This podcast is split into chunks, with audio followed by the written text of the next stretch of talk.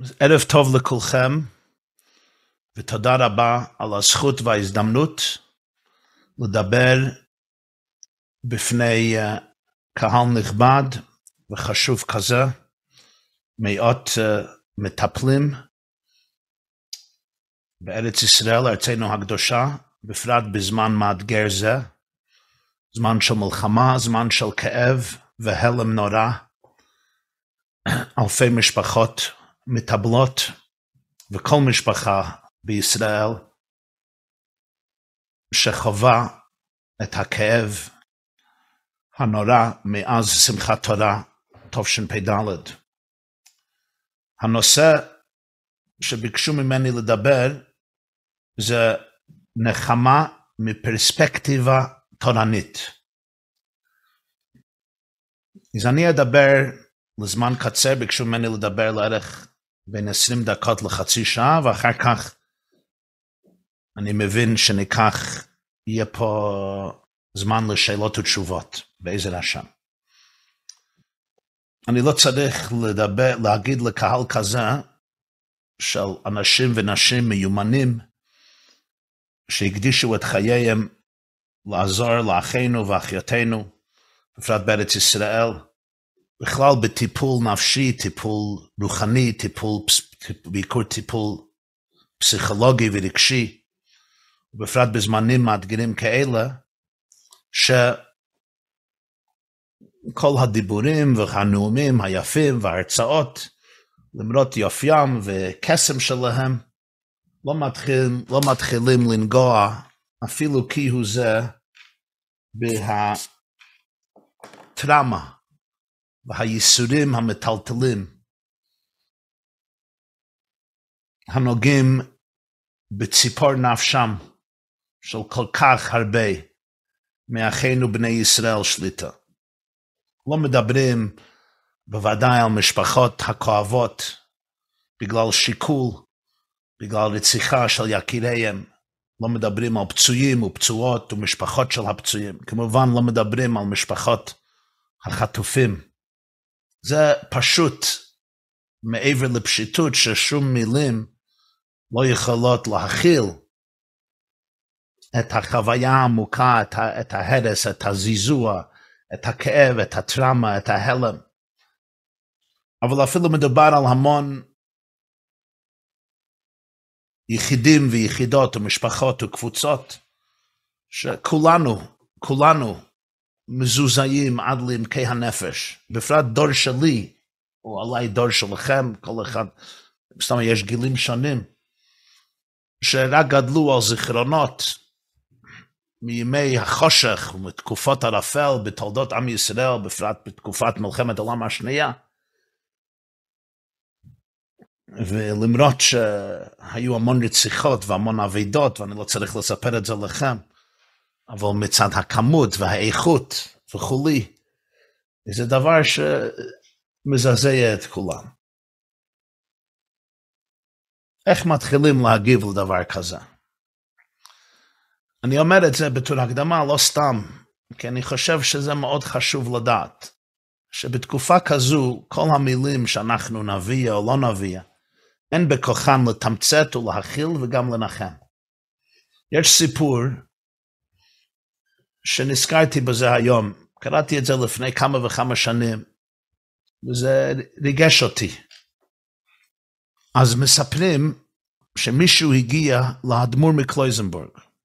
האדמו"ר מקלויזנבורג, רבי קוסיל יהודה הלברשטם, זכר צדיק לברכה, וסתם אתם יודעים, הוא היה אדמו"ר מצאנז קלויזנבורג, נפטר בתמוז תשנ"ד, טס תמוז, נ"ד, 94, 1900, 94.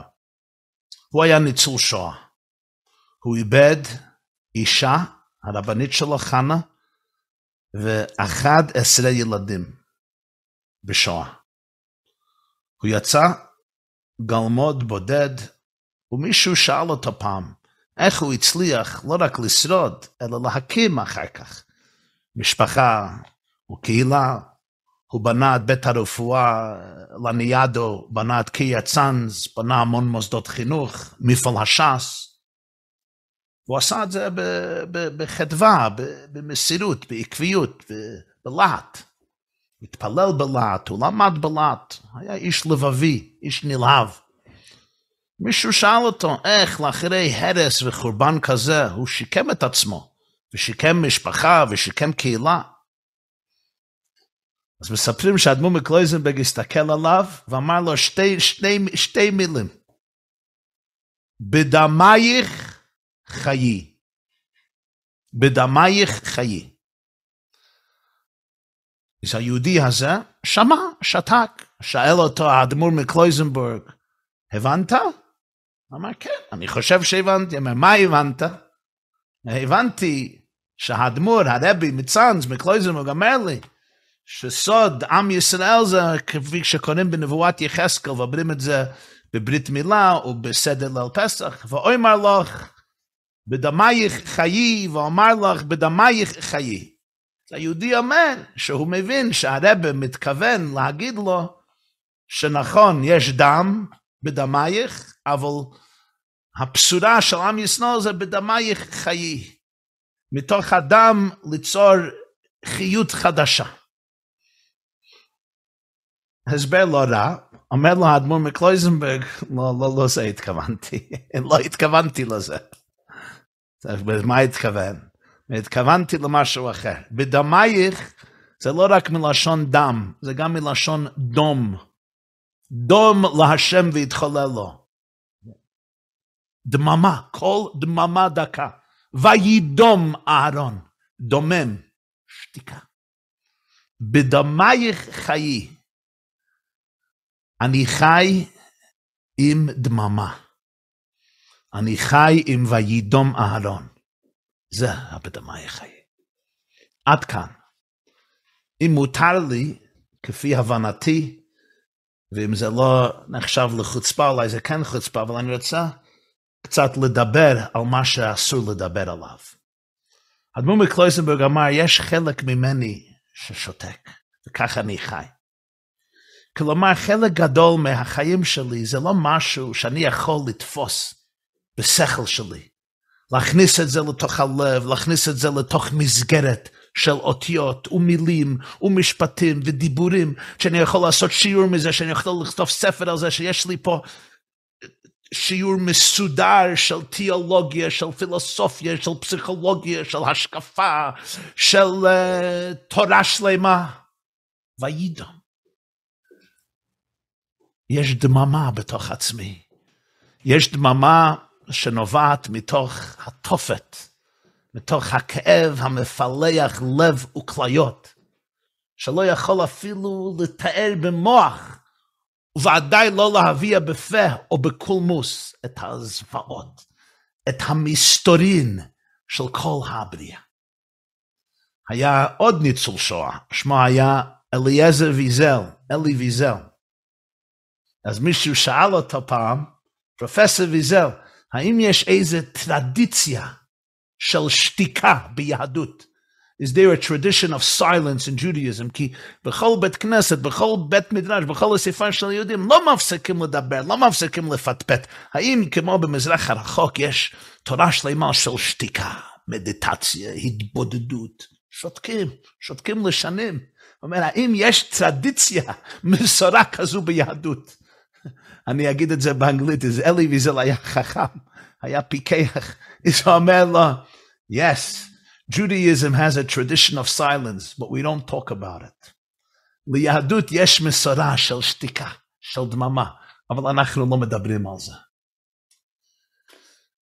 ואני חושב שיש פה רעיון, אם אפשר להגיד, mature, רעיון מפותח מאוד של האדמו"ר מקלויזנברג. על כאבים הגדולים של החיים. יש מה שאני אגיד ויש עוד הסבר ויש עוד, והכל טוב ויפה או לא טוב ויפה, לפעמים שטויות, לפעמים לא שטויות, לפעמים עוזר, לפעמים לא עוזר, אבל אומר לו משהו אחר, בדמי חיי. חלק מהיכולת שלי לשרוד, חלק מהיכולת שלי לצמוח, לגדול, לשגשג, אפילו לנשום, להתעורר בבוקר, זה בדמי חיי.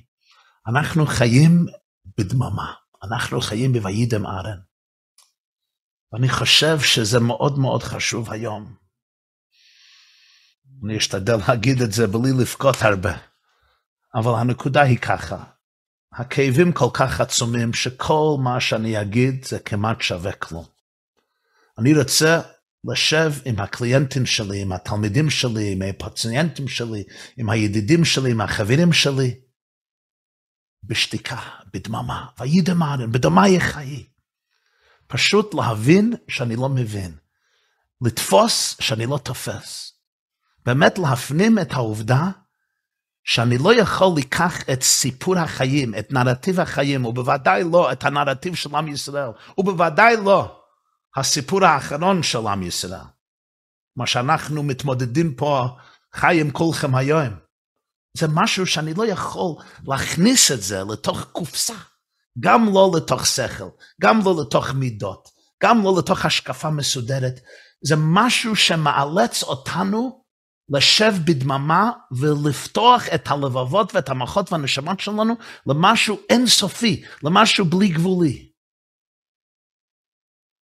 כשמלאכי עליון שואלים את ריבונו של עולם במסכת מנחות דף כ"ט על רבי עקיבא, זו תורה וזו שכרה, מה השם אומר? שתוק, כך עלה במחשבה. מה, מה התירוץ? שתוק, שתוק, כך עלה במחשבה. מה זה שתוק? איזה מענה? תשתוק. בסדר, יפה. מישהו ש... שאין לו מה להגיד אומר, שתוק, אני רוצה לשמוע ממך. שתוק זה משהו עמוק. כלומר, אין שום נימוק, אין שום הסבר, אין שום מילים של בן אדם, של יצור אנוש, אין שום מוח, שסוף סוף אפילו מוח הכי ענקי זה מוגבל, שיש לו יכולת להגדיר פה דברים, להגדיר את הסיפור על רבי עקיבא, להגדיר את הסיפור של שמחת תורה תשפ"ד.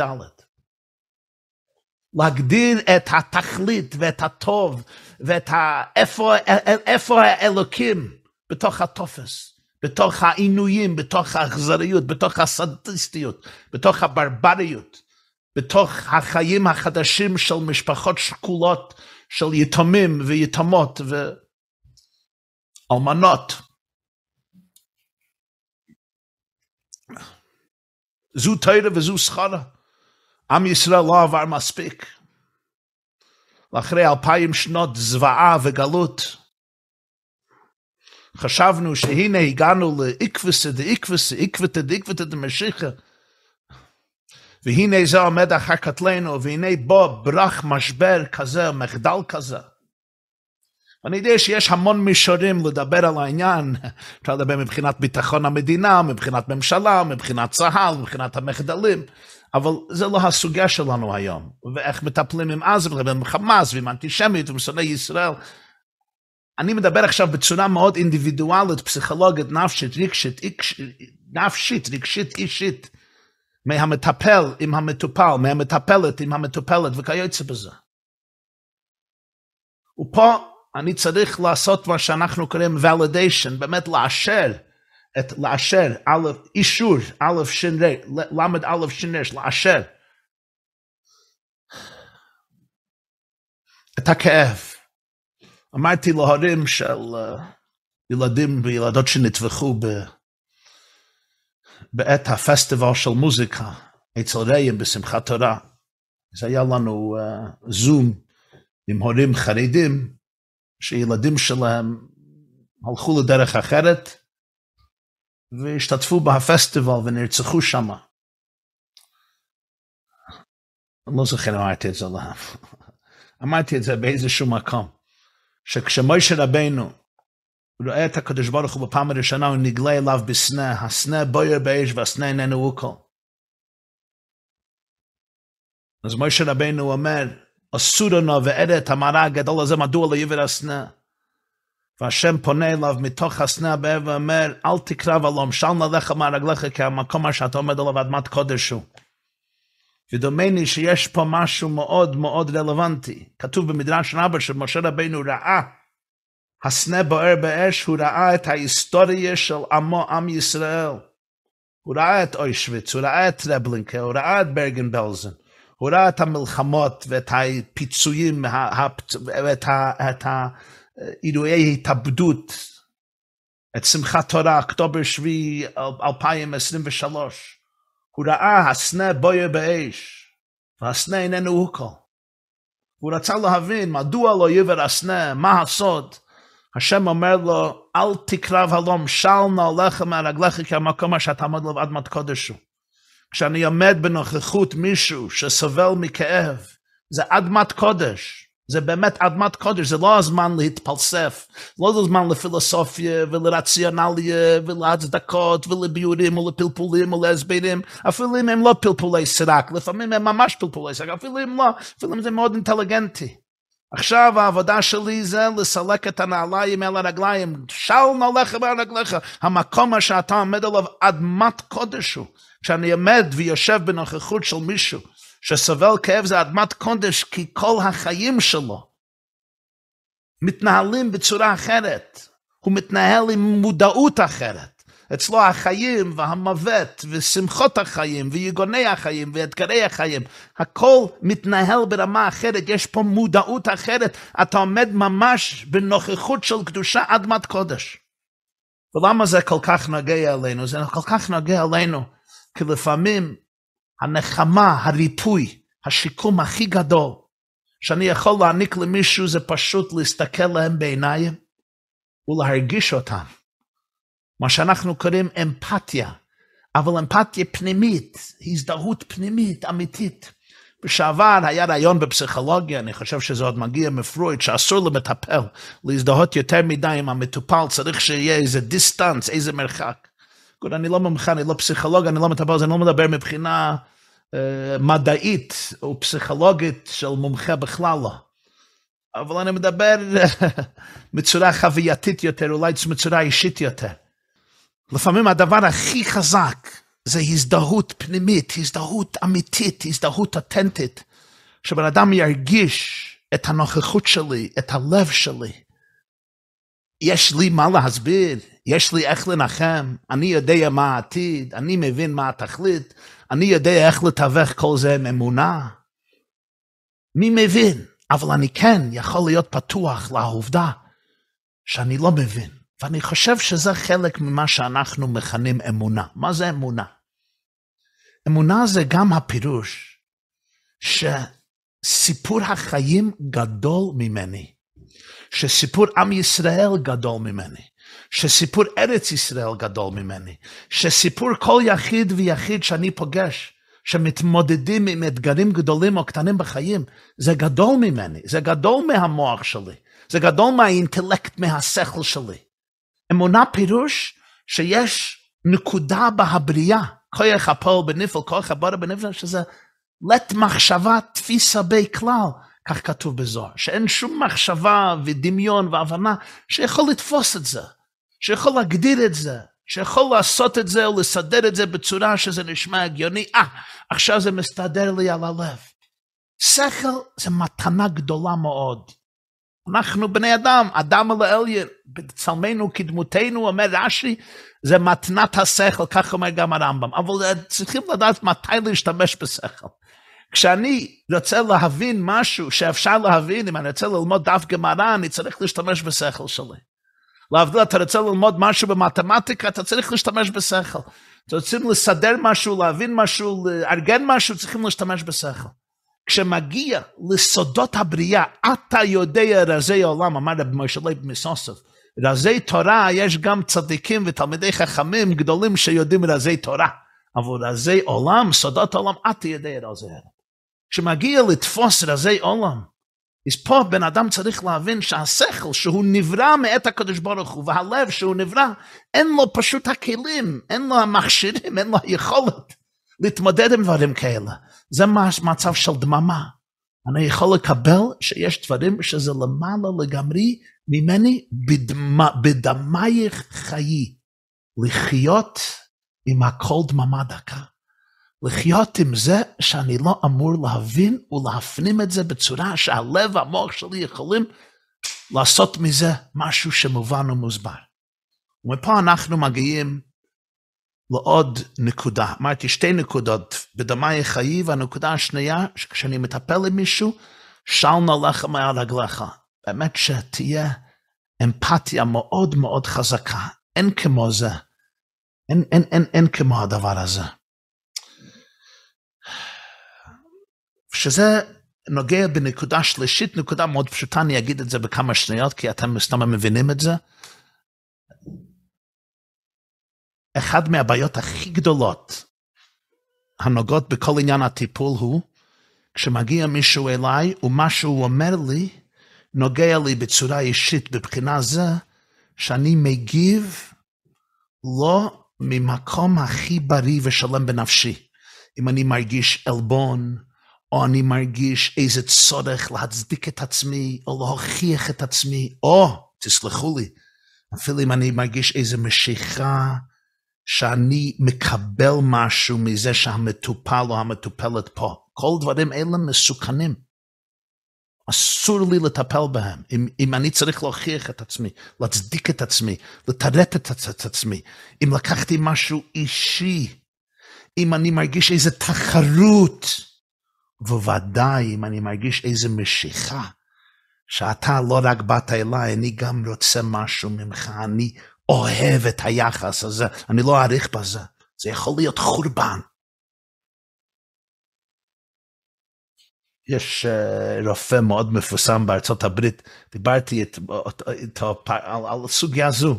הוא אמר לי, כשמטפל מגיע אליך, הוא אמר לי ככה, אם הטראומה שלו מתערבת עם הטראומה של המטפל, אוי ואבוי, כולם הולכים לגיהנום. המטפל והמטופל. למה? כי הטראומה שלו, של המטופל, התערב עם הטראומה שלי ונעשה צ'ולנט אחד לא בריא. הוא אמר ככה, הטראומה שלו צריך ליצור חמלה שלך, אמפתיה שלך, רחמים שלך, אז תוכל לעזור. זה גם בזוגיות. עם הטראומה של, של אשתי, של בעלי, של גבר או אישה, שהם משתפים עם אחר, אם זה עושה טריגר לטראומה שלי, חורבן, כולם, יש פה חורבן לכולם. אם אני יכול להסתכל על התגובות שלי, אני בן אדם, אולי יש טריגר. אבל לא נותן לכל הטריגרים שלי להיות חלק מהצ'ולנט, שזה ממש לא צודק ולא הוגן ולא אותנטי ולא אמיתי, שזה עניין של מרמה וגניבת דעת בדקה, בדקות או בגסות. אז אני ממש לא ראוי לעניין זה. צריך פשוט להיכנס לתוך הנעליים של המטופל בצורה זו, לא שאני סובל מאותו דבר שהוא סובל, כי אז אני לא יכול לעזור לו, אבל להיכנס לנעליים של הפירוש, באמת to tune in, לאבחן ולנווט את נפשי, להיכנס לתוך הכאב של הבן אדם הזה, ועם הנפש שלי ועם העיניים שלי, ליצור מרחב של ביטחון רגשית ומרחב של דממה. שבו יוכל באמת להתבטא, או שהיא תוכל להתבטאות ולמצוא את נשמתם ולמצוא את עצמם. ומזה מגיעים לעוד נקודה. והיידם, אין לי כל כך הרבה אותיות, אני רוצה להגיד משהו, אבל אני לא... זה לא קל להגיד. מה שמצאתי בחיים, ואני חושב שזה גם האמת, כתוב בגמרא, חותמו של הקדוש ברוך הוא אמת. הרמב"ם בהלכות יסודי התורה מביא הפסוק מירמיה, והשם אליקים אמת.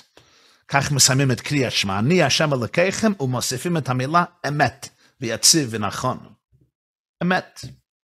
כתוב בגמרא במסכת י"ד דף סט, משהו נורא משה רבינו קרא להשם בפרשת ואת חנן ועקב הקהל הגדול, הגיבור והנורא, שלא יישא פנים ולא ייקח שוחד, בספר דברים. הקהל הגדול, הגיבור והנורא, זה מה שאנחנו אומרים ב-18, כי משה רבינו אמר את זה, זה טוב בשבילו, זה טוב בשבילנו. דניאל וירמיהו השמיטו את המילים, הוא השמיט הגיבור, אחד השמיט הגיבור, אחד השמיט הנורא. למה? כי הם ראו את החורבן. ירמיהו אמר, איי גבורותיו, איי נורואתיו, זה נקרא גיבור, זה נקרא גרן נחרים מקרקרין בהיכלו, שרפו את ביתו, הגלו את בניו, איפה הגבורה פה? הוא לא גיבור, הוא לא נורא. שאל את הגמרא, אבל משה רבינו אמר על השם, הקל הגדול הגיבור והנורא, איך הם יכולים להשמיט את זה? אומרת הגמרא, ואני מצטט, מתוך שידעו שהאמיתי הוא לא כזבו בו. כיוון שירמיהו הנביא ודניאל ידעו שהשם הוא אמת, הם לא ישקרו. הם לא יגידו הגיבור והנורא, אצלם זה חניפה. כי הם לא יכלו להפנים את זה, הם לא יכלו לחוות את זה, הם לא יכלו להרגיש את זה. הם אמרו, לא, הוא לא גיבור, הוא לא נראה. הם לא רצו לשקר רק כדי להגיד את המילים היפות, השם הוא גיבור, נורא, לא. אז אומרת הגמרא, אנשי כנסת הגדולה החזירו, התורה לא ישנה, ואמרו, הן הן גבורותיו, הן הן נוראותיו, מי כמוך באלה, מי כמוך באילמים שהוא שותק. דממה, וידום כוח ההסתר, אכן אתה כל מסתתר. הסתר בתוך הסתר, נויכי הסתר אסתר פונה ביום ההוא. זה הגבורה, זה היראה. מה, מה פשט, מה, מה ההבנה בדברים? לפעמים בעולם החרדי מרגישים שצריכים להיות עורכי דין לאלוקים. אני שמעתי פעם עצמי עצמי, בעצמי שמעתי את זה מהרבי מלובביץ', שהוא אמר שנכנס גדול בישראל, הוא לא אמר מי, הוא לא אמר מי, אבא שלי אמר לי אחר כך שהוא חושב שזה היה האדמו"ר מסטמה, רבי יוילש. אבל הרבי סיפר שמישהו גדול בישראל נכנס אל חמיו, אדמו"ר הרייץ, רבי יוסף יצחק, אדמו"ר ששיר לבית חב"ד לאחרי מוראת השואה, והתחיל להסביר למה השואה קרתה. אז הרב אמר, חמי, אמר, דרבי דשוור, חמי, הרבי, הרבי מלובביץ', אדמו"ר הרייץ, פונה לגדול ומה, ואני מצטט מילים ביידיש ששמעתי מהרבי בעצמי, מן דפנש מלמד זכות זין אף הנברשט. הקדוש ברוך הוא לא זקוק שאתה תהיה עורך דין שלו, שתבוא ללמד זכותים. הם מרגישים ישבתי בישיבה, מישהו איבד את ביתו בתאונת דרכים, מישהו מתחיל להסביר לו כל מיני הסברים כשלא יפסיד את האמונה. מה, מה אתה מבלבל את המוח? אל, אל תפחד על האמונה של פלוני אלמוני, זה הרבה יותר חזק ממך. וכל הסיפורים שלך לא יעילו פה. כל אחד מרגיש שהוא צריך להיות עורך דין. לא צריך להיות עורך דין, אתה לא צריך ללמד זכות. מתוך שיודו שהאמיתי הוא לא כזבו בו. ומזה אנחנו באים לנקודה עמוקה יותר. אמונה זה אותו עניין של אמת. אמונה מלשון אימון, אני נותן אימון בך. אמת ואמונה כל זאת. אמונה פירושה אמת. אמונה זה לא פירוש איזה דבר שאני עושה כי סבתא אמרה לי לעשות או להטיף או להגיד. אמונה זה חוויה הכי עמוקה של הנפש. מה החוויה הזו? החוויה הזו זה לא לקבור את הכאב. החוויה הזו היא לא לכסות את הכאב עם איזה גלידה יפה, או לאפה, או שממה, ולהגיד שזה לא כל כך נורא. אמונה אפילו לא פירוש להגיד, אני לא רוצה להרגיש מה שאני באמת מרגיש. זה לא אמונה. אמונה פירוש לחבק כל מה שיש בתוכי, לחבק כל רגש, לחבק כל פנומן, לחבק כל תופעה, לחבק את זה, לחבק את זה באמפתיה, באכפתיות, בדריכות, בעקביות, בחמלה, באהבה, בלי שיפוטיות. כי בתוך תוך הריאליות, שמה תמצא את אלוקים. השם אלוקים אמת. אתה לא תמצא אלוקים בדמיונות, אתה לא תמצא אותו בחלומות, אתה תמצא אותו בריאליות. כי הוא ריאלי, כי הוא אמת. ואם אני צריך לברוח מהאמת, לקבור את האמת, להתכחש לאמת, לא להסתכל על האמת בעיניים, כדי למצוא את הדת, כדי למצוא את האמונה, משהו לקוי פה. דת אמיתית, אמונה אמיתית, זה לא התכחשות לאמת. אדרבה, זה חתירה לעומק האמת. אני רואה את זה בחיים הרבה. כשיש משהו מאוד מאוד כואב, אולי עם הילדים, אולי עם הזוגיות, זוגיות, אולי בריאות גופית, נפשית, כספית, אולי אבידה, או אולי מלחמה כזו, רוויית אסון אחרי אסון אחרי אסון, של קדושים וטהרים שנשפכו דמם כמים. וכל החיילים היקרים והקדושים שמסרו נפשם ומוסרים את נפשם בכל יום ויום. איפה אני אמצא את הבורא? איפה אני אמצא את הנחמה? איפה אני אמצא את האומץ, את העוז? בתוך האמת, בתוך הריאליות. אם עסק שמיים שם אותו, ועציע שאוהל הנקה. עסק כנפי שוכר אשכנה באחרית ים, גם שם ידך תאחזני. ואומר, החושך ישפני ולילה אור בעדני, גם חושך לא יחשיק ממך.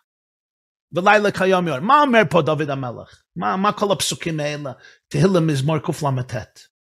הוא אומר, אם יש חושך בחיים, אם יש ערפל בחיים, יש מצוקה בחיים, הדרך לנחמה, הדרך לשיקום, הדרך חזרה זה לא לקבור את זה, לא להסתכל על זה, לשכוח מזה, לעשות כאילו אינו, להגיד הכל טוב, כל דבר, כל דבר רחמנו לטבע וטבע טוב להיטיב, יש עולם הבא וזהו, בסדר. אולי מילים נכונות מאוד, אבל לפעמים מה שזה יוצא לבן אדם, זה מנתק אותו מהרגשים שלו. זה מנתק אותו מהאנושיות שלו, זה מנתק אותו מהשפיות שלו. ואם זה פירוש נחמה ואמונה, זה מאוד מאוד בעייתי. יש משהו עמוק יותר. ודאי צריך איזון, ודאי צריך איזון בכל דבר. ודאי צריך איזון וצריך רגישות איך להיכנס לתופת רגשית. מתי להיכנס שיהיה רוצי ושויב, נכנס בשלום ויצא בשלום. אבל הנקודה היא, בתוך הדמעות, בתוך ים הדמעות, בתוך הכאב, כיוון שזה ריאלי, שמה, שמה. והציע שאול, אני אלך למטה מטה עד אין תכלית. הנקה, הנקה. איך, איך, אני לא יודע. זה לא, זה לא עניין אינטלקטואלי, אין לי שיעור על זה. אני לא אסביר את זה בצורה מתמטית. הציע שאול הנקה. זה לא עניין מתמטי, זה לא עניין רציונלי. אני לא רוצה שזה יהיה מתמטי, אני לא רוצה שזה יהיה רציונלי, אבל אני יודע, אבל זה האמת. שבמקומות הכי הכי פגיעים ופתוחים ועמוקים, אפילו אם זה ממש השאול, אבל הנה כאן. כיוון שהשם אלוקים אמת, אז האמת אתה תמצא במקום של אמת, לא במקום של שקר. לא במקום של חיפוי, לא במקום של כיסויים, לא במקום שאני בורח מהריאליות ומהמציאות. אם אני אכנס לתוך המציאות בפתיחות הלב, בלי הצורך לפרש, לתרגם, להסביר, להצדיק, לעשות רציונליות ולהתאים את זה למסגרות קבועות.